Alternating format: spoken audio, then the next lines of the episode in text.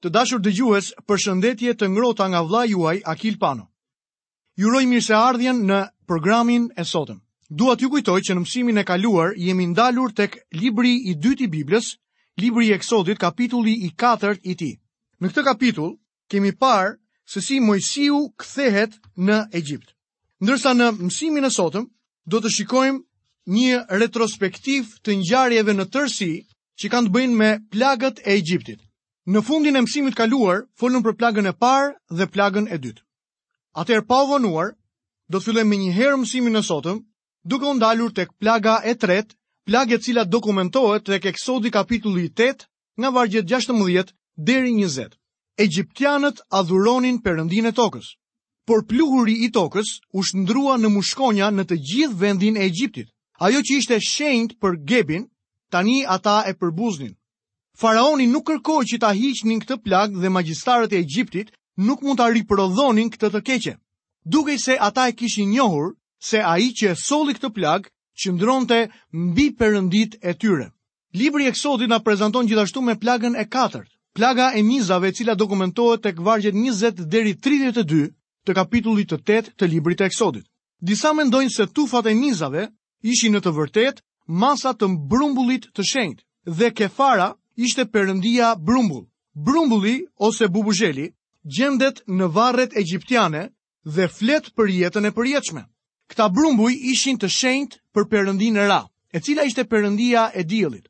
Plaga e pestë është plaga e murtajës. Tek Eksodi kapitulli nëntë nga vargjet një deri në vargun e shtatë, shohim që perëndia e godet Egjiptin me këtë plagë. Murtaja ishte një sëmundje që prekte bagëtitë. Tempulli i dytë më i madh që Egjipti ndërtoi ndonjëherë gjendet në Memfis, dhe ishte për adhurimin e demit të zi, i cili quhej Apis. Kjo plagë bëri që egjiptianët të adhuronin një lopë të sëmurë. Plaga e gjashtë e dokumentuar te kapitulli 9 i Eksodit, vargjet 8 deri 17 është plaga e ulçerave. Priftërinjtë e të gjitha feve të Egjiptit, duhet të ishin të panjollë, pa ndonjë shenjë ose njollë në trupat e tyre, në mënyrë që të shërbenin në tempuj. Por ata kishin një moratorium mbi adhurimin në Egjipt gjatë kësaj kohe, për shkak të ulçerave tek të gjithë priftërinjtë. Asnjë prej tyre nuk mund të shërbente në ndonjë vend. Në të vërtetë, ishte një gjykim mbi gjithë fenë e Egjiptit. Plaga e shtatë është plaga e breshërit, E dokumentuar te kapitulli i nëntë i Eksodit, vargjet tetëmbëdhjetë deri tridhjetë e pesë. Perëndia demonstron fuqinë e tij me plagën e breshërit mbi perëndeshën e qiellit, e cila është e pafuqishme në zonën e saj të mbulimit. Plaga e tetë ishte plaga e karkalecave. Për këtë e shikojmë tek libri i Eksodit kapitulli 10 nga vargu i parë deri tek vargu i 20. Gjykimi i karkalecave ishte kundër perëndive të insekteve. Plaga e karkalecave do të thoshte se të korrat ishin nën mallkim. Kjo ishte dëshmi e gjykimit të Perëndisë, siç mësohet në librat e Joelit dhe të Zbulesës. Plaga e nëntë është plaga e errësirës. Kapitulli 10 i Eksodit vargjet 21 deri 29 na flasin për këtë plagë me të cilën Perëndia e goditi Egjiptin. Perëndia solli errësirën kundër perëndisë kryesore që adhurohej në Egjipt, perëndisë së diellit, i cili quhej perëndia Ra. Disku i diellit është simboli më i njohur që gjendet në rrënojat egjiptiane. Plaga e errësirës tregon se sa i pafuqishëm ishte perëndia Ra. Plaga e dhjetë është vdekja e të parëlindurve. Këtë e zbulojmë tek Eksodi kapitulli 11, vargje 12 deri 36. Sipas fesë së Egjiptit, i parëlinduri i përkiste perëndive të Egjiptit. Me fjalë të tjera, perëndia mori atë që ishte caktuar për perënditë e Egjiptit. Perëndia po i mësonte egjiptianët se kush ishte ai. Ai po e bindte faraonin se vetëm ai ishte perëndia i vërtetë. Në të njëjtën kohë, Ai po i sillte njerëzit e tij në vendin ku ata ishin gati të njihnin atë si perëndinë e tyre. Kjo ishte vepra e fundit e gjykimit që do ta lironte Izraelin nga skllavëria egjiptiane. Në kapitullin e 5 të librit të Eksodit, fillon me faraonin dhe betejën me perënditë egjiptiane. Le të lexojmë së bashku kapitullin e pestë dhe vargun e parë të këtij kapitulli. Pas kësaj, Mojsiu dhe Aaroni shkuan tek faraoni dhe i thanë: Kështu thotë Zoti Perëndia i Izraelit: Lëre popullin tim të shkojë, me qëllim që të kremtojë për mua një festë në shkretëtirë. Hapi i parë drejt lirisë së Izraelit ishte të shkonin në shkretëtirë dhe t'i ofronin sakrificën e tyre Perëndisë. Mojsiu dhe Aroni nuk vrapuan në prani të faraonit dhe t'i thoshnin, lëre popullin të lirë, ne do të largohemi nga Egjipti dhe do të shkojmë në tokën e premtuar. Ata thjesht kërkuan që ta lejonte Izraelin të shkonte në shkretëtirë dhe ta adhuronte Perëndinë. Ata po e pregatisnin faraonin dhe po e zbusnin për atë që do të vijonte, por vini re me kujdes reagimin e faraonit. Lexojmë vargun e dytë. Por faraoni u përgjigj: Kush është Zoti që unë duhet t'i bindem zërit të tij dhe ta lë Izraelin të shkojë? Unë nuk e njoh Zotin dhe nuk kam për ta lënë Izraelin të shkojë. Shprehja lëre popullin tim të shkojë është mjaft e njohur sot. Por gjithkush mund të pyesë, kush është Zoti? Është pyetja më e mirë për të gjithë sot, sepse para se të çlirohesh, duhet ta njohësh Perëndinë. Me këto fjalë, Faraoni bëri dy deklarata. Deklarata e tij e parë ishte, unë nuk e njoh Zotin, dhe e dyta, nuk kam ndërmend ta lë Izraelin të shkojë. Por vetëm në pak kohë, Faraoni do të njihej me Perëndinë në një mënyrë të tmerrshme dhe do t'i linte izraelitët të lirë. Lexojmë vargun e tretë. Atëherë ata i thanë, Perëndia i hebrenjve na doli përballë. Tani na lër të ecim tri ditë me radhë në shkretëtirë që të bëjmë një flijim për Zotin, që është Perëndia ynë, që ai të mos na godasë me murtajë ose me shpatë. Perëndia kërkon që ne ta adhurojmë. Nëse nuk e hedhim tani këtë hap, ai do të na gjykojë. Lexojmë vargjet 4 dhe 5. Mbreti i Egjiptit u tha atyre: Pse vallë Mojsiu dhe Aroni e largojnë popullin nga puna e tij? Kthehuni në mundimet tuaja. Faraoni tha përsëri: Ja, tani populli i vendit është i shumtë dhe ju doni që ai të ndërpresë mundimet e tij. Mojsiu kishte patur takime të mëdha me popullin e tij. Ata ishin të paduruar dhe kërkonin të largoheshin nga Egjipti një orë e më parë. Faraoni e pa problemin që do t'i vinte si pasojë e këtij vendimi, dhe ja pse përgjigja e tij e vetme ishte t'i kthente tek vendi ku bëheshin tullat, dhe jo vetëm kaq, por ai e dyfishoi lodhjen dhe mundimin e tyre. Le të shohim shtimin e mundimit të Izraelit. Lexojmë vargjet 6 dhe 8.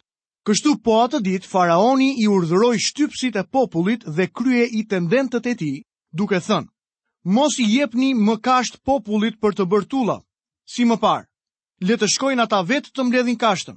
por i detyroni të prodhojnë të njëjtën sasi tullash që bënin më parë, pa asnjë pakësim, sepse ata janë përtacë dhe për këtë arsye ata bërtasin, duke thënë, të shkojmë të bëjmë fli për Perëndinë tonë. Faraoni mendonte se Izraeli po kërkonte pushime.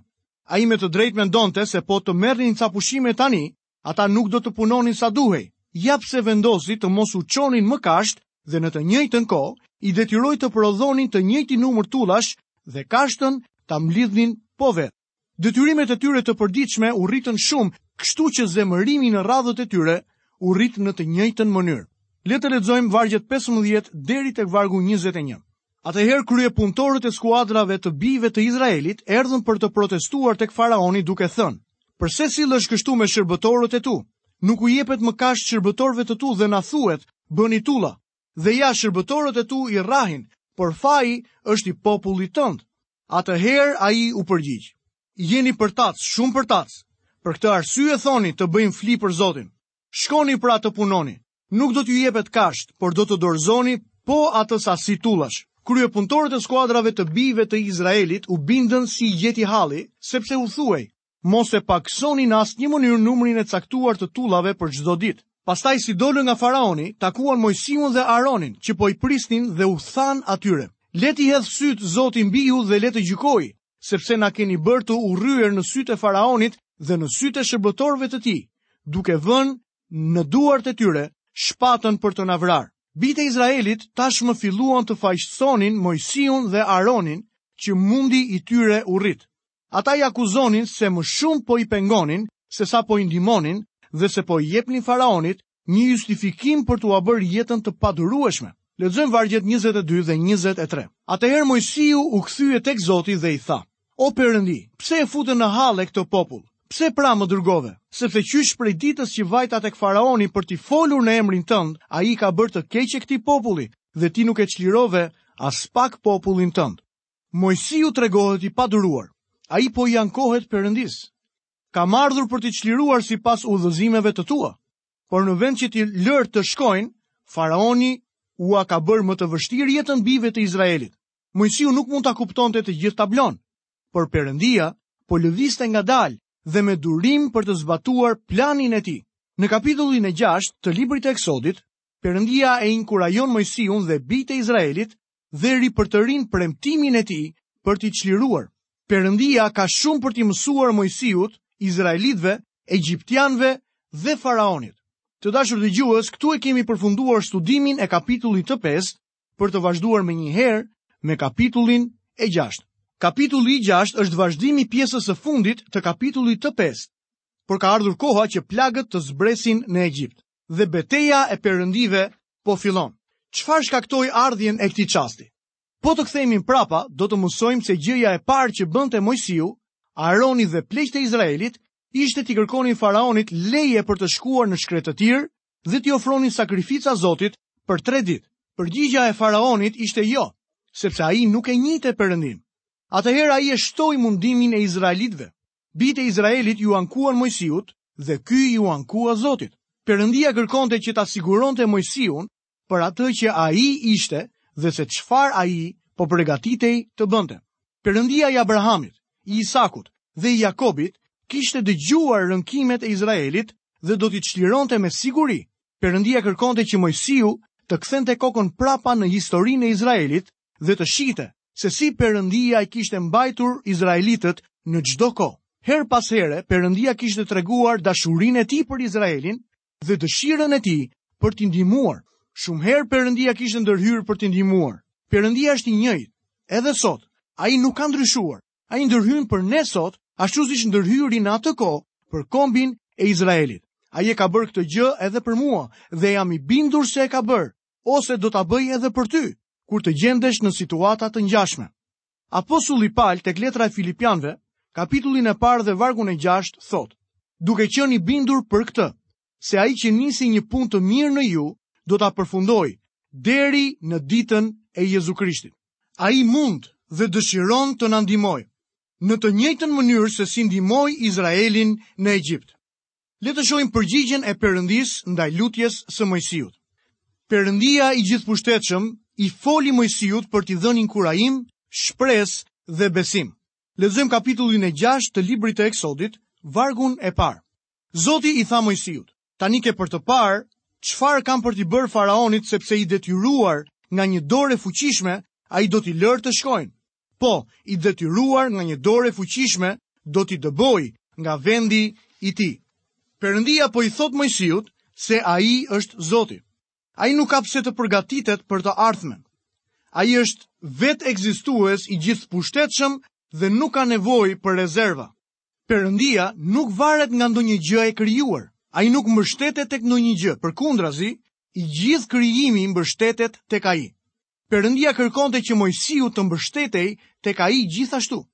Lexojmë vargjet 2 deri në vargun e 5. Pastaj Zoti i foli Mojsiut dhe i tha: Unë jam Zoti dhe i jam shfaqur Abrahamit, Isakut dhe Jakobit si Perëndi i plotfuqishëm, por ata nuk më kishin njohur kurrë me emrin tim. Zot, kam caktuar gjithashtu besëlidhjen time me ta, duke u premtuar se do t'ua jap vendin e Kanaanit, vendin ku qëndruan si të huaj. Dëgjova edhe kujën e bijve të Izraelit që egjiptasit i mbajnë në skllavëri dhe mu kujtua besëlidhja ime. Perëndia po i thotë Moisiut se ai u ishte shfaqur Abrahamit, Isakut dhe Jakobit, por jo si Jehova. Perëndia si Jehova do ta çlironte popullin e tij, do t'i adoptonte si bijtë e tij, t'i çlironte nga skllavëria dhe t'i drejtonte për në tokën e premtuar. Nëpërmjet kësaj, ata do ta njihnin Perëndinë si Jehova, një pjesë të karakterit të tij që nuk ia kishte zbuluar Abrahamit, Isakut dhe Jakobit. Në vargjet 6 deri në 8, Perëndia zbulon 7 herë, unë do të. Këto vargje na japin një portret të mrekullueshëm dhe ishin një inkurajim shumë i madh për Moisiun në atë kohë. Perëndia shpall se kush është dhe se çfarë don të bëjë. Sot ne kemi një shpëtimtar që na tregon se kush ai është dhe se çfarë ai do të bëjë.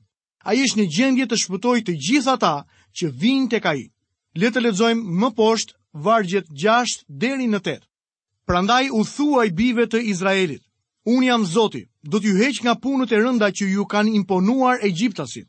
Do t'ju çoj nga skllavërimi i tyre dhe do t'ju çliroj me krah të shtrirë dhe ndëshkime të mëdha. Do t'ju marr si popullin tim dhe do të jem Perëndia juaj, dhe ju do të mësoni që unë jam Zoti Perëndia juaj, që ju heq nga punët e rënda të imponuara nga egjiptasit. Dhe do t'ju bëj të hyni në vendin që u betova t'i jap Abrahamit, Isakut dhe Jakobit. dhe do t'jua jap atë në trashëgimi. Unë jam Zoti. Shtatë unë do të e shpengimit janë. E para, do t'ju heq nga punët e rënda që ju kanë imponuar egjiptasit. E dyta, do t'ju çliroj nga skllavërimi i tyre. E treta, do t'ju çliroj me krah të shtrirë. E katërta, do t'ju marr si popullin tim. E pesta, do të jem Perëndia juaj. E gjashta, do t'ju bëj të hyni në vendin e premtuar, dhe e shtata do t'jua jap atë në trashëgimi. Do t'ju heq nga punët e rënda. Në këtë deklaratë gjendet përfundimi dhe paralelizmi i shpengimit tonë në Krishtin. Sot ne mbajmë një barrë mëkati. Gjërat e botës e shtypin zemrën tonë. Na thuhet të mos e duam botën. Perëndia është i vetmi që mund të na çlirojë nga barra e mëkatit përmes besimit në Jezu Krishtin. do t'ju çlirojë nga skllavërimi. Perëndia do të të çlirojë nga skllavëria e mëkatit. Një herë mora një letër nga një njeri që mbështet faktin se Perëndia është në gjendje të çlirojë nga skllavëria e mëkatit. Ky burrë edhe pse shumë i mirë, jetonte në mëkat. Ai kishte të paktën 6 fëmijë të paligjshëm si rezultat i marrëdhënieve me shumë gra. Dhe puna që bënte për të jetuar nuk ishte e ndershme. Kishte një karrierë kaq të trazuar, saqë nuk kisha dëgjuar ndonjëherë dikë tjetër të kishte të njëjtën histori. Në një moment të dëshpëruar të jetës së tij, filloi të dëgjonte programin tonë radiofonik përmes Biblës çdo ditë dhe fjala e Perëndisë hyri thellë në jetën e tij. Ndërsa pinte në të vërtetat e Biblës, errësira filloi të largohej dhe drita hyri në zemrën dhe jetën e tij. Ai e kuptoi se nuk po i besonte Zotit Jezu Krisht si shpëtimtarin e tij. Perëndia e shpengoi atë njeri. Shpengimi është vetëm vepra e Krishtit. Izraelitët po jetonin në skllavëri në tokën e Egjiptit. Perëndia tha, do t'ju nxjerr nga ky vend, do t'ju largoj nga skllavëria, do t'ju çliroj me krah të shtrirë. Ky është krahu i fuqishëm për të cilin foli profeti Isaia. Kush i ka besuar predikimit tonë dhe kujt iu shfaq krahu i Zotit? Nuk e di se kujt i është shfaqur. Perëndia po kryen një vepër shpengimi në jetët dhe zemrat e njerëzve sot. Secili prej nesh ka nevojë për një shpëtimtar nga mëkati, sepse jemi të ndotur në sytë e tij. Ai na deshi aq sa të vdiste për ne, në mënyrë që ne të shpëtohemi. Nëse ai ishte i gatshëm ta bënte këtë vepër, Ne duhet të tregohemi të gatshëm gjithashtu për të shkuar përpara tij, siç jemi, si mëkatarë. Nëse e vendosim besimin tonë tek vepra e Jezu Krishtit që bëri për ne, do të shpëtohemi. Perëndia ka një plan të mirë për shpëtimin tonë, por njeriu duhet të vijë më parë tek ai në mënyrë që të mund ta marrë këtë shpëtim. Mos harro asnjëherë, Perëndia do të të çlirojë me krah të shtrirë. Ju do të jeni populli im. Mendoni, Perëndia na ka nxjerrë nga balta dhe pisllëku i mëkatit dhe na ka bërë bijtë e tij nëpërmjet besimit në Krishtin Jezus. Tani ai na thotë, do të jem Perëndia juaj. Perëndia nuk na shpëton dhe pastaj vrapon e largohet prej nesh. Ai dëshiron të jetë Perëndia ynë gjatë gjithë kohës. Nëse je i shpëtuar, nuk do të vazhdosh të jetosh sikur Perëndia të mos ekzistonte fare. Nëse i keni besuar Jezu Krishtit si shpëtimtar, jeta juaj do të ndryshojë. Ai do të bëhet Perëndia juaj dhe ju do të përuleni përpara tij dhe do ta pranoni për atë që ai është. Perëndia kërkon të të shpengojë. Ai kërkon ta njohësh Krishtin si shpëtimtar dhe Zot. Ai kërkon që të jetë Zoti yt dhe ne populli i tij. Do të jem Perëndia juaj. Perëndia i zgjodhi besimtarët e Krishtit që përpara themelimit të botës, pra para gjithë kohërave, në të shkuarën e përjetshme. Arsyeja nuk gjendet tek besimtarët, por në qëllimin e gjithëditur të Perëndisë. Perëndia i do të vetët, pavarësisht nga dështimet e tyre, ai do, sepse është në natyrën e tij të dojë. Perëndia është dashuri. Ai kërkon sot të jetë Perëndia ynë. Do t'ju çoj në vendin e premtuar. Toka është Kanani. Perëndia ia kishte premtuar Abrahamit, Isakut dhe Jakobit. Kanani nuk është një tablo e parajsës. Është një tablo e jetës së krishterë e asaj se si të krishterët duhet ta jetojnë atë. Kanani është vendi ku ne bekohemi me gjithë bekimet shpirtërore. Besimtari duhet të ecë i denjë për thirrjen e tij të lartë për kënaqësi të përsosur të bekimit shpirtëror. Kjo bëhet përmes mbushjes prej frymës së shenjtë. Ka shumë luftëra dhe beteja për të fituar. Ndonjëherë besimtarët jetojnë sikur kanë dështuar në shkretëtirën e botës dhe asnjëherë nuk hyjnë në pasuritë e hirit dhe mëshirës së Tij. A po jetoni sot në jetën, dritën dhe dashurinë e një Shpëtimtari të gjallë? Do t'ju jap tokën për trashëgimni. Në kapitullin e pestë të letrës drejtuar Romakëve, apostulli Pal e bën të qartë se ne jemi shfajësuar përmes besimit dhe kemi paqe me Perëndinë përmes Zotit Jezu Krisht. Ne mund të hyjmë tek Ai. Kemi gëzim në mes të problemeve. Na është dhënë fryma e shenjtë e Perëndisë për të banuar në ne dhe dashuria e Perëndisë është e vërtetë për ne.